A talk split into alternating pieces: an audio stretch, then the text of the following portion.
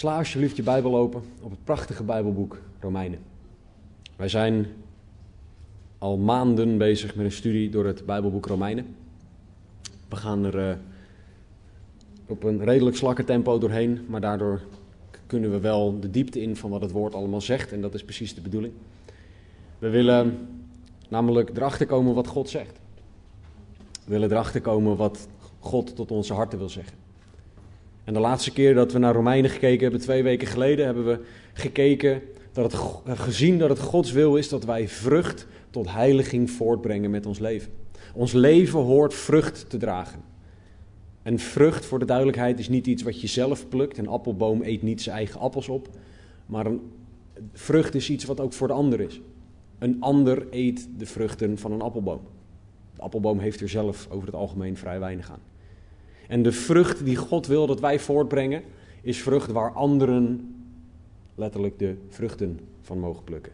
Waar anderen van mogen genieten. En dat is iets wat God in elke christen wil doen. Hij wil dat wij meer heilig gaan leven. Een van de onderwerpen die we in de Romeinenbrief zien. En die heiliging, die hoort vrucht voor de ander voor te brengen. En vandaag gaan we kijken in Romeinen 7, vers 1 tot en met 6, over het feit dat wij ontslagen van de wet zijn. Door Jezus werk aan het kruis. We zijn ontslagen van de wet en we gaan zien wat dat allemaal betekent en wat dat, hoe we daar praktisch iets mee kunnen. Maar we gaan kijken naar het feit dat jij, christen, ontslagen bent van de wet. Laten we samen Romeinen 7, vers 1 tot en met 6 lezen en daarna samen het woord induiken. Paulus schrijft: Of broeders, weet u niet, ik spreek immers tot mensen die de wet kennen, dat de wet over de mens heerst zolang hij of zij leeft. Want de gehuwde vrouw is door de wet gebonden aan de man zolang hij leeft. Als de man echter gestorven is, is zij ontslagen van de wet die haar aan de man bond. Daarom dan, als zij de vrouw van een andere man wordt terwijl haar man leeft, zal zij een overspelige genoemd worden. Als haar man echter gestorven is, is zij vrij van de wet, zodat zij geen overspelige is als zij de vrouw van een andere man wordt. Zo, mijn broeders, bent u ook door het lichaam van Christus gedood met betrekking tot de wet. Opdat u aan een ander zou toebehoren, namelijk aan hem die u uit de doden, namelijk aan hem die uit de doden opgewekt is, opdat wij vrucht zouden dragen voor God. Want toen wij in het vlees waren, waren de hartstochten van de zonde, die geprikkeld waren door de wet, in onze leden werkzaam om vrucht te dragen voor de dood. Maar nu zijn wij ontslagen van de wet, gestorven aan dat waaraan wij vastgebonden zaten, zodat wij in nieuwheid van geest dienen en niet in oudheid van letter. Laten we bidden. Vader God, dank u wel. Dank u voor uw woord. Dank u wel dat u hier bent, Heilige Geest. Dank u wel dat u de menselijke schrijvers geïnspireerd hebt tot het opschrijven van dit woord. Heren, we danken u voor de zegen dat u dat woord ook aan ons wil uitleggen. En dat is mijn gebed vandaag. Leg uw woord uit aan ons. Niet zodat het intellectueel interessant is, maar zodat wij veranderd worden door u en wij daarnaar zullen gaan leven. Dus heren, spreek vandaag alstublieft. Raak een ieder aan. Laat er geen woorden van mij bij zitten. Heren, niks van mij, en alleen maar woorden van eeuwig leven. En heren, we bidden en vragen dit in Jezus' naam. Amen. Wij hebben hoofdstukken en versen. Paulus die schreef één brief. Dat was één hele lange perkamentrol waarschijnlijk, die opgestuurd werd en dat was de hele brief van Paulus. Daarom is het ook eigenlijk een heel raar punt waarop we nu invallen. Want Paulus is een hele lange gedachte aan het neerzetten. Hij is de kerk aan het leren over heiliging. Daar is hij in Romeinen 5 vanaf vers 12 mee begonnen. En hij is ons nu aan het uitleggen tot en met heel hoofdstuk 8 dat wij heilig moeten worden, apart gezet voor God, anders dan deze wereld. Wij horen voor God te leven, meer als Jezus te leven. Dat is het heiligingsproces dat in de christen plaatsvindt vanaf het moment dat iemand gelooft in Jezus Christus als zoon van God. En Paulus laat dat hele proces zien. Hij laat in vanaf Romeinen 1 tot Romeinen 3, vers 19 zien dat je eerst moet inzien dat je een zondaar bent. Daarna laat hij zien vanaf Romeinen 3:20 dat redding voor zondaren alleen door geloof in Jezus Christus is. Niet door werken, niet door iets anders dan geloof in Jezus Christus. En in het gedeelte waar we nu zitten, legt Paulus uit wanneer je dan gelooft, gaat God dit in je leven doen. Hij gaat je heilig maken in de zin van dat je meer heilig gaat leven. De Romeinse christenen moesten het proces waarin ze zitten gaan begrijpen. Zodat ze ook zouden begrijpen wat God aan het doen is. Want het heiligingsproces is niet altijd een leuk proces. Soms betekent het dat God dingen uit ons gaat snoeien. En uit ons gaat weghakken. En hij doet dat met veel precisie, maar dat is niet altijd leuk. Maar dat is wel nodig zodat wij niet meer denken en doen zoals voorheen, maar dat wij denken en doen zoals Jezus Christus. Want dat is wat heilig en perfect is. En in zijn uitleg over dit heiligingsproces heeft Paulus in Romeinen 6, vers 14 het volgende gezegd. Want de zonde zal over u niet heersen. U bent namelijk niet onder de wet, maar onder de genade. Vanaf het moment dat wij geloven in Jezus als Zoon van God, zijn wij niet meer gebonden door de wet. Wij zijn namelijk onder de genade. En Paulus heeft in Romeinen 6, vers 15 tot en met 23, waar we vorige of twee weken geleden sorry, geëindigd zijn, uitgelegd hoe dat er praktisch uitziet. Daar zal ik niet nu op teruggrijpen, maar hij heeft laten zien hoe leven onder de genade eruit ziet. Dat we vrijgezet zijn, dat we vrijgekocht zijn, dat we vrucht tot heiliging mogen dragen. Maar Paulus wil dat zijn lezers, die voor een deel uit Joden bestonden, voor een groot deel waarschijnlijk uit Joodse christenen bestonden, hij wil dat ze goed begrijpen wat Paulus over de wet zegt. Daarom zegt hij in Romeinen 7, vers 1: Of broeders, weet u niet, ik spreek immers tot mensen die de wet kennen, dat de wet over de mens heerst zolang hij leeft. Waarom weten we dat Paulus over waarschijnlijk richting mensen met een Joodse achtergrond sprak? Omdat hij het hier heeft over mensen die de wet kennen. Joden waren opgevoed met de wet, die kenden hem soms zelfs geheel uit hun hoofd. Paulus was een fariseer van de fariseeën, staat er in Filippenzen. Waarschijnlijk kende Paulus de hele Torah, de eerste vijf boeken van de Bijbel uit zijn hoofd en waarschijnlijk meer van het Oude Testament. De meeste Joden kenden de wet. En daarom begrijpen zij wanneer Paulus het over de wet heeft. Zij begrijpen wanneer Paulus over de wet heeft wat hij bedoelt. Maar tegelijkertijd wil hij dat ze goed begrijpen wat de wet ook nu niet meer voor ons is. Hij wil dat we goed begrijpen wat de wet was en wat de wet nu voor ons is. En Paulus heeft het over dat de wet over de mens heerst. In het Grieks wordt daar een woord gebruikt dat een afgeleide is van het Griekse woord voor God. Dat is het woord Kyrios, dat wordt vertaald als God. En dat woord wordt gebruikt om totale heerschappij aan te geven. Oftewel, de wet was, de wet had totale heerschappij over de mens, zolang de mens leeft.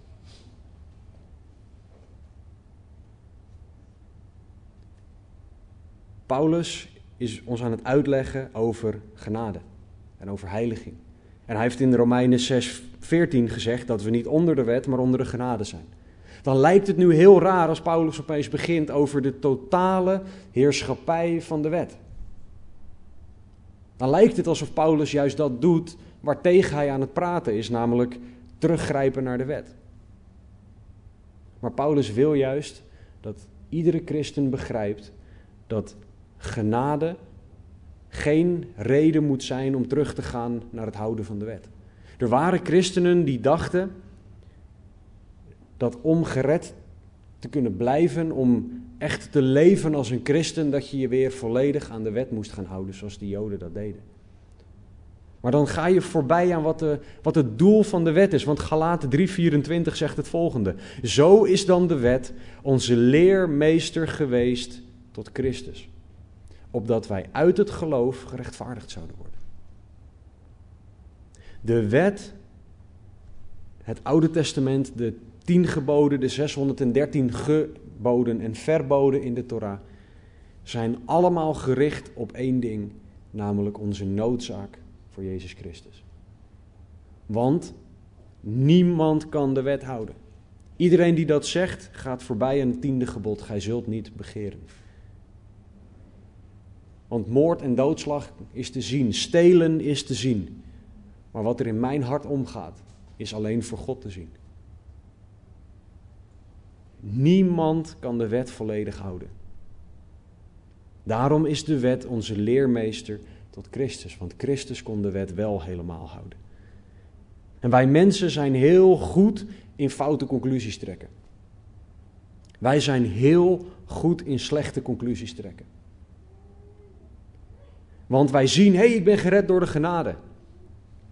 En we hebben in Romeinen 6 al behandeld dat dat niet betekent, dat dat betekent om, ik ga, dit gaat heel fout klinken, maar om dan maar te zeggen, YOLO, you only live once, ik doe alles wat ik wil.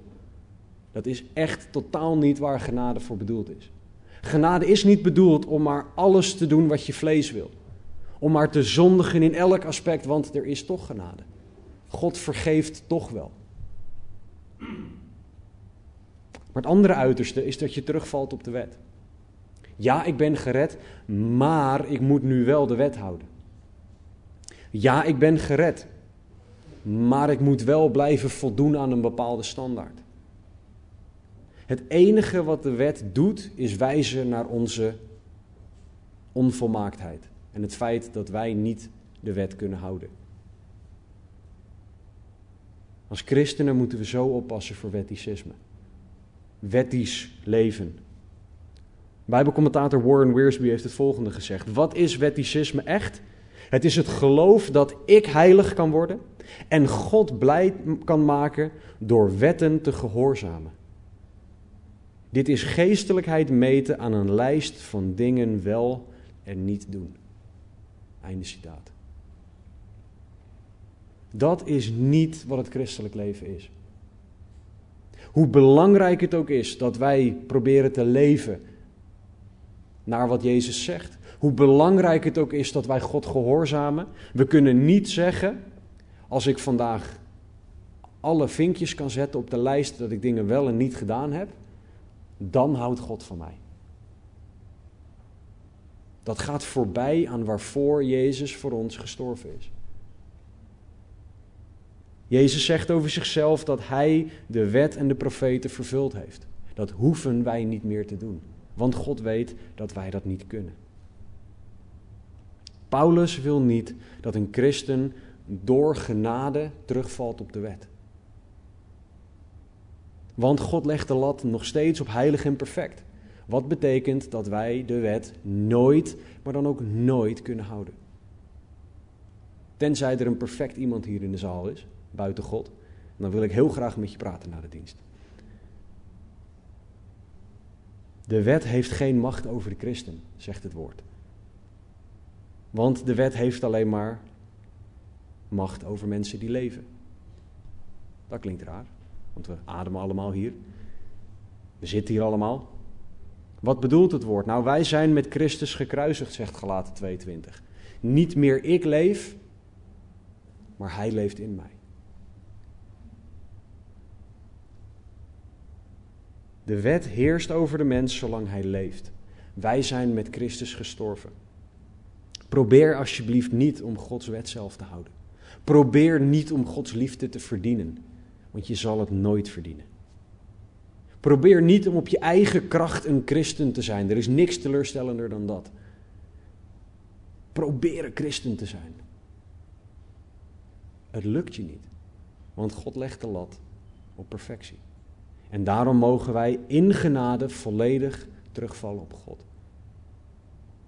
Ook als christenen moeten we ophouden met dingen zeggen als ja, ik, ik moet daar nog hard aan werken. Of dingen denken als ja, daar moet ik mezelf echt in veranderen. Nee, dat kan niet.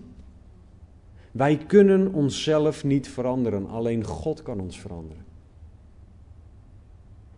We mogen een beroep doen op Gods genade en we mogen God vragen of Hij het willen en het werken in ons wil doen, Filippenzen 2.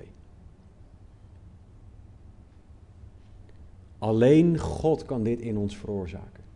Er is niks in ons waardoor wij het mogelijk kunnen maken dat wij naar Gods standaard leven. En dat is wat Paulus wil dat we begrijpen. Ja, je hebt genade. Ja, de genade is onwaarschijnlijk groot, maar laat dat je alsjeblieft niet drijven naar het proberen zelf te houden van de wet. Want dan ga je voorbij aan wat Gods genade daadwerkelijk betekent.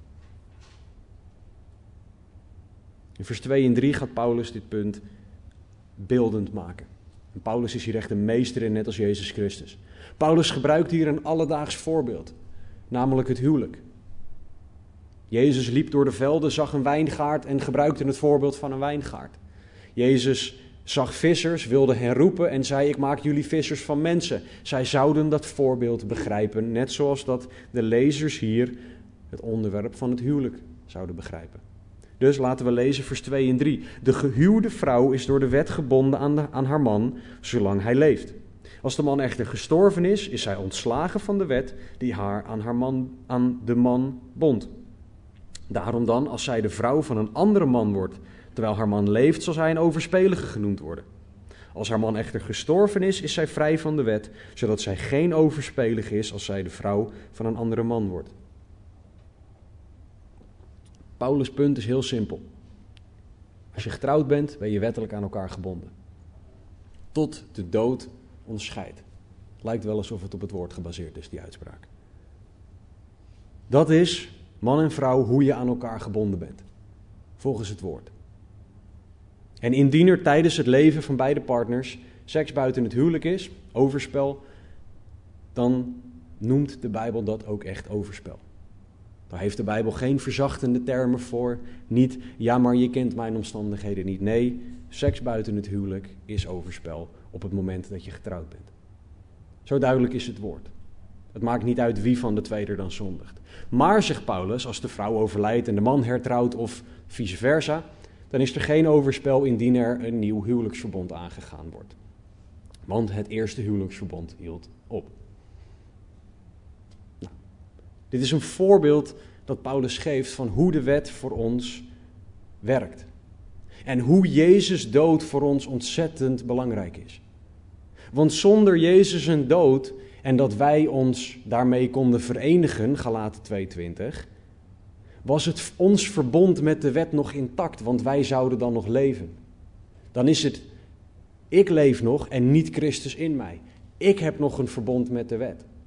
Ik ben nog gebonden onder alle woorden en alle consequenties van de wet. Maar hetzelfde als bij een huwelijk, waarbij een van de twee partners komt te overlijden, houdt dat huwelijksverbond op te, te bestaan en kan er een nieuw verbond gemaakt worden. Dat is wat Jezus voor ons gedaan heeft aan het kruis. Jezus' dood is cruciaal voor nieuw leven. Jezus zijn dood leidt tot leven voor ons. Hoe prachtig en hoe fantastisch is dat? In vers 4 en 5 trekt Paulus de huwelijksvergelijking door. Zo, mijn broeders, bent u ook, zo, daarmee verwijst hij terug naar het voorbeeld dat hij hiervoor gemaakt heeft, bent u ook door het lichaam van Christus gedood met betrekking tot de wet, opdat u aan een ander zou toebehoren, namelijk aan hem die uit de doden opgewekt is, opdat wij vrucht zouden dragen voor God tot zover. Paulus legt de situatie van de christen uit. En de christen is iedereen die in Jezus gelooft als zoon van God. Iedereen die op Jezus vertrouwt zoals het woord dat schrijft, omschrijft. De situatie van de christen is dat wij door het lichaam van Christus gedood zijn met betrekking tot de wet.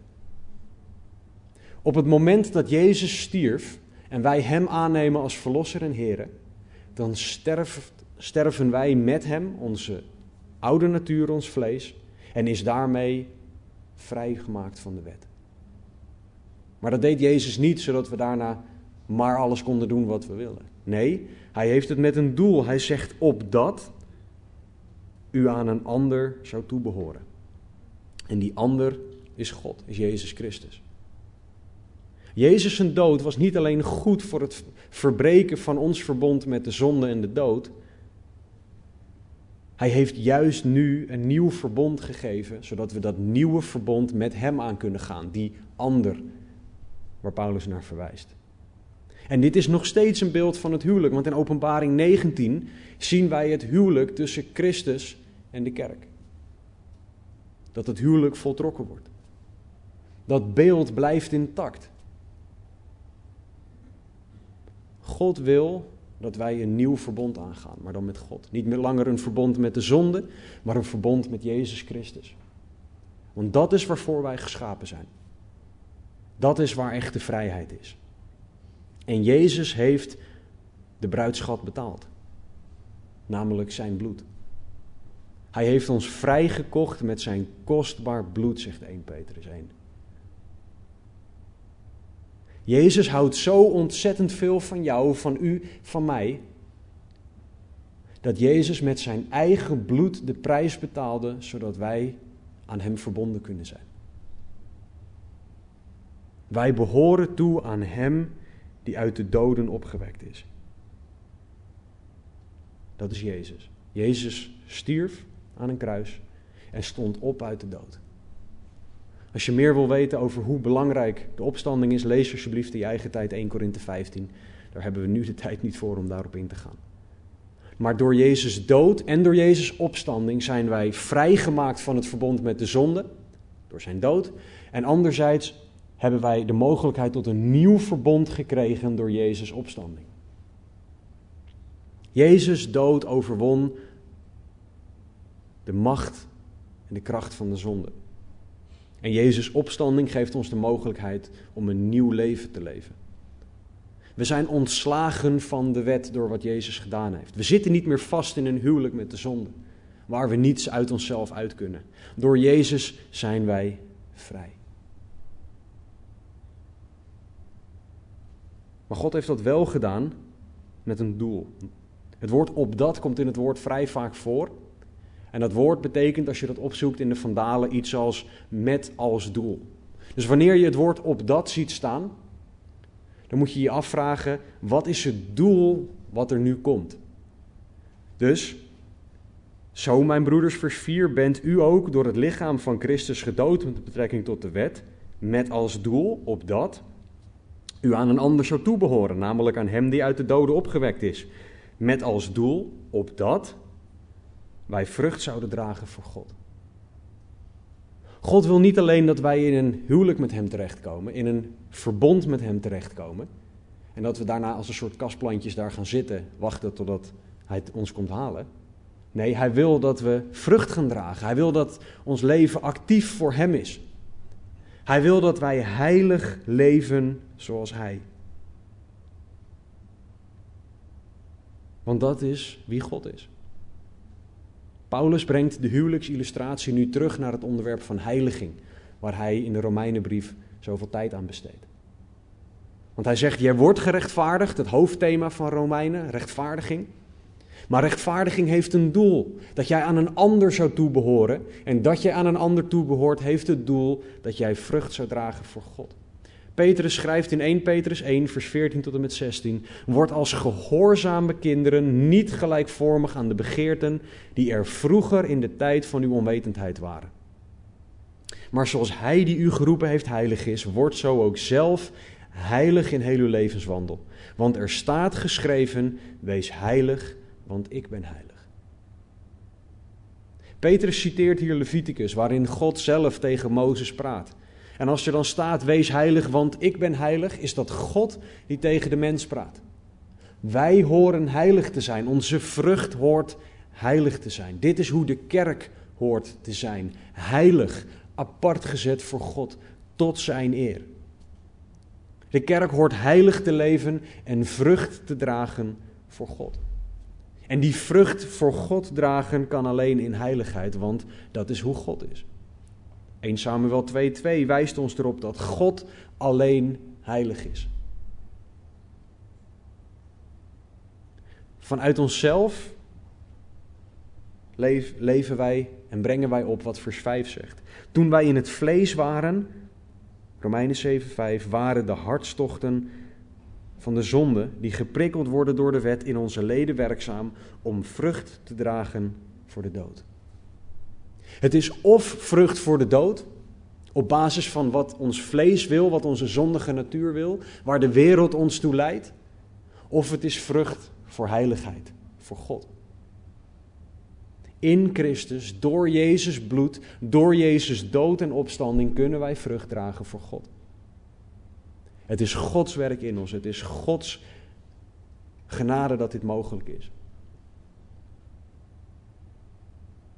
Enige dat wij hoeven te doen is bewust kiezen om voor God te leven. Geloven in Hem. En daarna gaat God dit in ons doen. Want het is nogmaals onmogelijk om het zelf uit te voeren. Daarom is het zo fantastisch dat er in Hebreeën 13:12 het volgende staat. Daarom heeft ook Jezus om door zijn eigen bloed het volk te heiligen buiten de poort geleden. Dit, dit vers zegt dat Jezus ons door zijn eigen bloed geheiligd heeft. Wij hebben een positie gekregen waarin wij heilig zijn en altijd bij God kunnen komen. Niets of niemand kan ons dat afpakken. Alleen we mogen nu ook gaan leven naar de positie die we hebben. We mogen heilig leven, dicht bij God, afhankelijk van God, genietend van Zijn liefde en continu veranderd wordend door Hem. En dit gaat lijnrecht in tegen de wereld. De wereld wil dat je dingen zelf voor elkaar krijgt. Dat je stevig in je schoenen staat. Dat je onafhankelijk van iedereen bent. Dat je eerst van jezelf houdt in de plaats van afhankelijk bent van Gods liefde. En daarmee met die liefde van de ander houdt. God en zijn wil staat lijnrecht tegenover wat de wereld voor ons heeft. En toch horen wij te leven naar wat God wil dat we doen. Wij horen te leven naar Gods standaard. Wij horen heilig en rein en perfect te leven. Want dat is vrucht dragen voor God. Dat is waarvoor wij ontslagen zijn van de wet. Niet om zomaar iets te doen, maar om voor God te leven. En dit kunnen wij niet. Daarom moeten we door de geest geleid worden, want de Heilige Geest is de geest die heilige vrucht geeft. Als wij geleid worden door onszelf, door het vlees, dan zullen wij vrucht voor de dood dragen.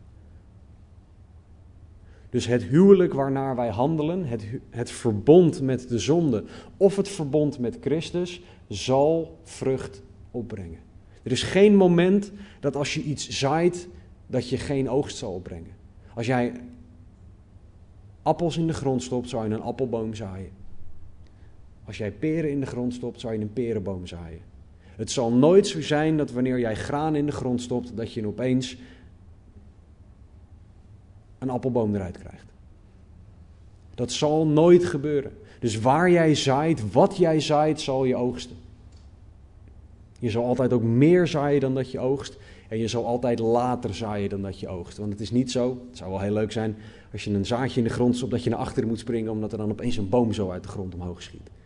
Het duurt altijd even, maar je zal altijd zaaien, of oogsten, sorry, wat je gezaaid hebt. Is dat in het vlees, dan zaai je in het vlees en oogst je de dood. Is dat naar de geest, dan zaai je in de geest en oogst je heilig, heilige vrucht. Bijbelcommentator R.A. Torrey heeft het volgende gezegd: Het mensenhart is de grond, het woord van God is het zaad en elke spreker of onderwijzer van het woord is een zaaier. Maar de geest van God is degene die het gezaaide zaad leven geeft en de goddelijke natuur komt op als resultaat. Einde citaat.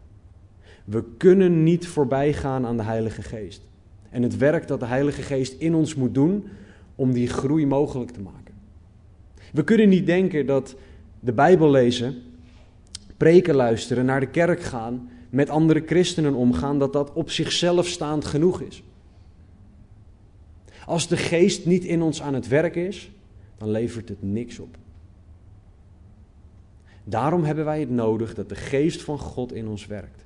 De enige manier om heilige vrucht te dragen is door elke dag afhankelijk te zijn van de Heilige Geest. En dat is niet zo moeilijk als dat je denkt, want God heeft gezegd dat we als kinderen bij Hem moeten komen. We zeggen niet tegen onze kinderen: Je mag pas bij me komen nadat jij de hele relativiteitstheorie aan mij kan uitleggen en uit je hoofd geleerd hebt. We zeggen niet tegen een kind: je mag pas komen als jij een auto helemaal in elkaar kan zetten. Mijn oudste dochter, onze oudste dochter, is vier. Als zij naar mij toe komt, dan komt ze echt naar me toe. Dan komt ze naar me toe gerend en springt ze me omver als, het, als het er lukt. Dat is hoe wij naar God mogen gaan. Dus afhankelijk leven van de Heilige Geest is naar God toe gaan als een klein kind en zeggen: Papa, kunt u me helpen alstublieft? Ik heb het nodig om door u geleid te worden. Dat is genoeg. Het is aan ons daarna om te luisteren. Hè? Dat is natuurlijk iets anders. En ook dat mogen we aan God vragen, want God wil het willen en het werken in ons doen. Maar we moeten veel meer leren om afhankelijk van God te leven. Om afhankelijk van de Heilige Geest te leven. Om afhankelijk van God onze keuzes te maken. In de plaats van dat we luisteren naar mensen. Of dat we luisteren naar onszelf. Of wat dan ook. We moeten vrucht dragen voor God.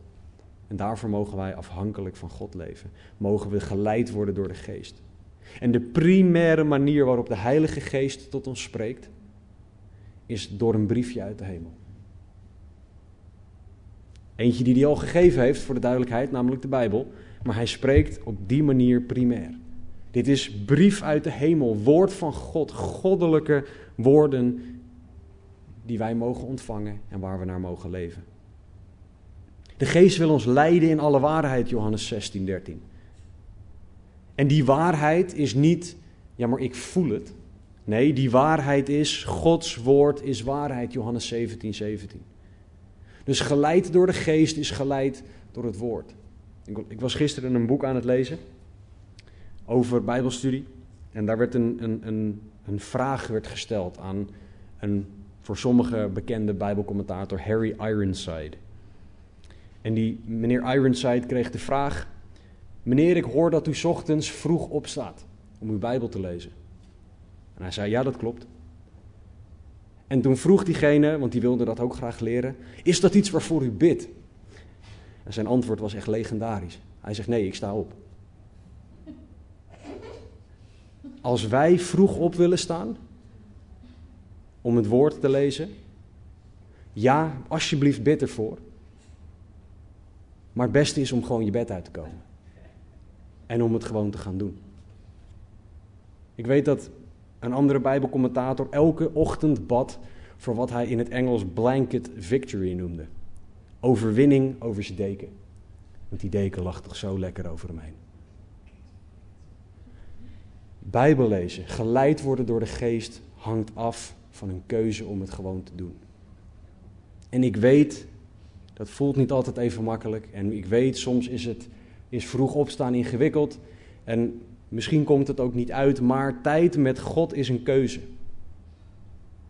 Als wij zeggen ik heb geen tijd, bedoelen we eigenlijk ja, maar ik wil hier geen tijd voor maken. Of ik heb hier nog geen tijd voor gemaakt. En tuurlijk, prioriteiten, je moet bepaalde keuzes maken. Maar tijd voor God is een keuze. Dat betekent dat je andere dingen niet kan doen. En als jij dus helemaal geen tijd hebt voor God, betekent het dus dat je andere dingen, mensen belangrijker vindt dan God. En de vraag is of dat bijbels juist is. Als jij geleid wil worden door de geest, als jij vrucht wil dragen voor God, ontslagen van de wet wil leven, moeten wij keuzes maken voor God.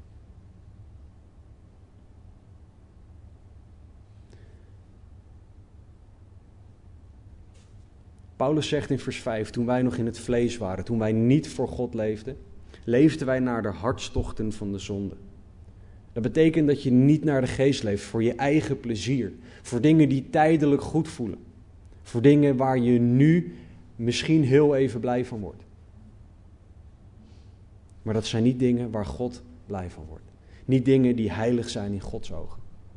Als jij over de rug van anderen allerlei geld verdient, dan heb je misschien nu geld. Maar in de eeuwigheid heb je niks. Als jij nu steelt, heb je misschien dat leuke hebben dingetje. Maar in de eeuwigheid zit je dan met lege handen. Dingen als seks, drugs en rock and roll voelen misschien nu goed. maar in de lange termijn levert het alleen maar dood op. Keuzes voor God. Niet naar de hartstochten van de zonde, maar geleid door de geest.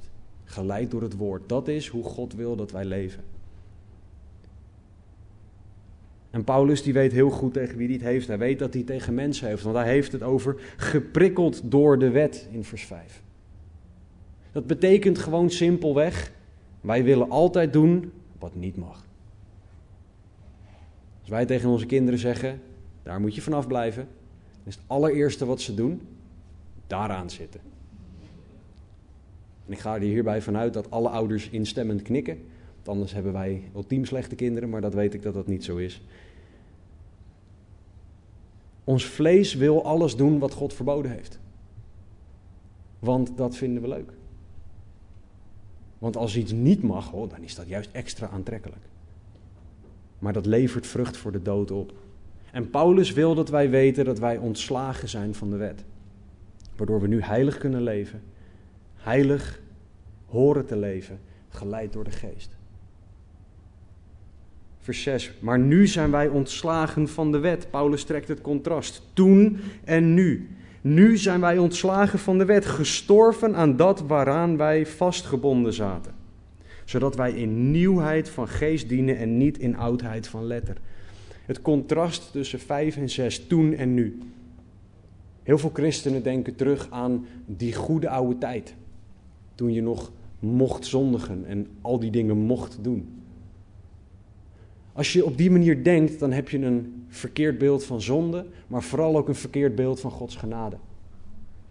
Want Gods genade is oneindig veel beter dan alles wat deze wereld te bieden heeft. Want genade is oneindig. En elke zonde is tijdelijk. Het levert misschien tijdelijk plezier op, maar eeuwige dood. Genade levert altijd eeuwige vreugde op. En dat is waarop we gericht moeten zijn. We zijn ontslagen. In het Grieks betekent dat alle contact is verbroken met. En in ons geval is dat met de wet. We zijn ontslagen van de wet. Zoals de dood een einde maakt aan een huwelijk, heeft Jezus dood voor ons een einde gemaakt aan ons huwelijk met de zonde. Ik ben één keer in mijn leven ontslagen. Dat verhaal dat zal ik een andere keer misschien vertellen. Maar daar was een werkgever, ik zal de later naam even in het midden die heeft vrij hard en vrij direct alle contact met mij verbroken. Ik was er drie weken aan het werk. Ik mocht op een vrijdagochtend, moest ik naar kantoor komen voor een meeting. Ik liep naar binnen, er zaten twee managers, eentje die ik wel kende en eentje die ik niet kende. En vijf minuten later stond ik letterlijk huilend buiten dat pand. Omdat ik ontslagen was. Alle contact werd met mij verbroken. Achteraf ben ik dankbaar, op dat moment niet. Maar alle contact was verbroken. Er was, waren geen verplichtingen richting elkaar meer.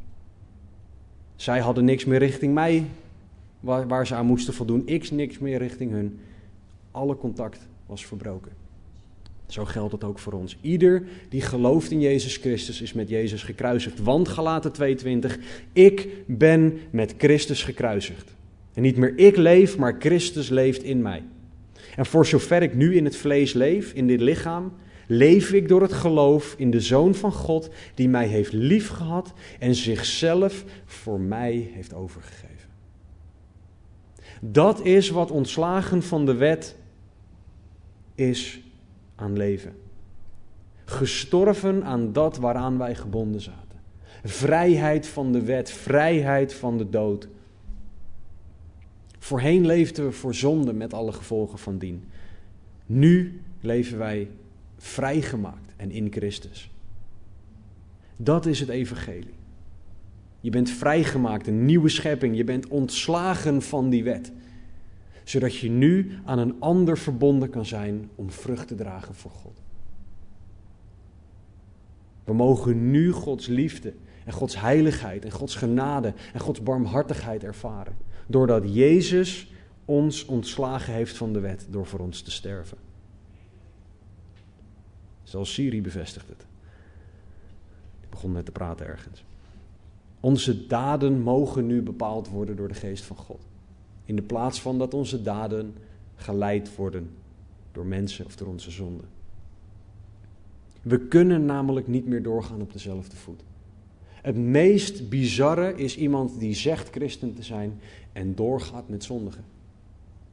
Want dat betekent dat je zegt: Ik ben vrijgezet van de zonde. Ik ben vrijgezet van iets waarvan ik weet hoe slecht het is. En toch kies ik ervoor om erin door te gaan. Als jij weet dat bleek drinken slecht voor je is, dan ga je niet door met dat spul naar binnen gieten.